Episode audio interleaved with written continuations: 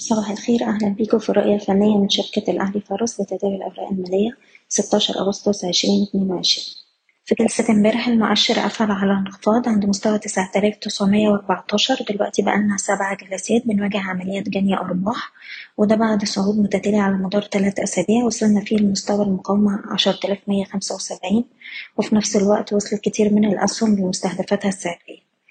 دلوقتي إحنا بنركز على أقرب مستوى مقاومة عندنا عند خمسة وستين. لو قدر المؤشر إن هو يتجاوز المستوى ده الأعلى يبقى معنى كده إن إحنا هنقدر نجرب مرة تانية على مستوى العشرة آلاف مية خمسة وسبعين.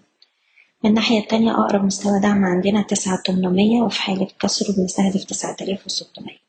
كنا نصحنا الفترة اللي فاتت بجني أرباح الأسهم اللي وصلت لمستهدفاتها السعرية. والناس اللي مش عايزة تبيع تقدر ترفع مستوى حماية الأرباح لأقرب مستوى دعم حسب كل سهم على حدة وبالنسبة للأسهم نبدأ بالسي أي بي. عندنا دلوقتي مستويين دعم مهمين عند السبعة وتلاتين عشرين والستة وتلاتين ستين.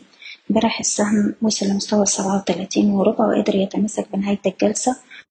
أقرب مقاومة يقدر يجرب عليه عند التمانية وتلاتين ونص ولو قدر يخترقها يبقى عندنا تسعة وتلاتين ونص. كيلوباترا بنحتفظ فوق مستوى الأربعة جنيه وعندنا أقرب مقاومة عند الأربعة أربعين. المنتجعات السياحية السهم قدر يكسر مستوى مقاومته المهم جنيه وستين قرش ودي إشارة شراء بنستهدف جنيه خمسة وسبعين. ده وصلنا له جلسة امبارح ومازال لينا مستهدف عند الجنيه خمسة وتسعين. أي تهدية في السهم فرص للشراء.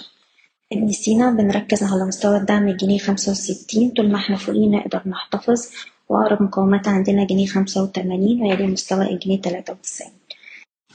سهم فوري بنركز على مستوى الدعم تلاتة جنيه خمسة وسبعين واللي عايز يبيع أقرب مقاومة عند الأربعة جنيه وخمس قرش مدينة نصر بنركز على مستوى حماية الأرباح الاتنين جنيه خمسة وأربعين.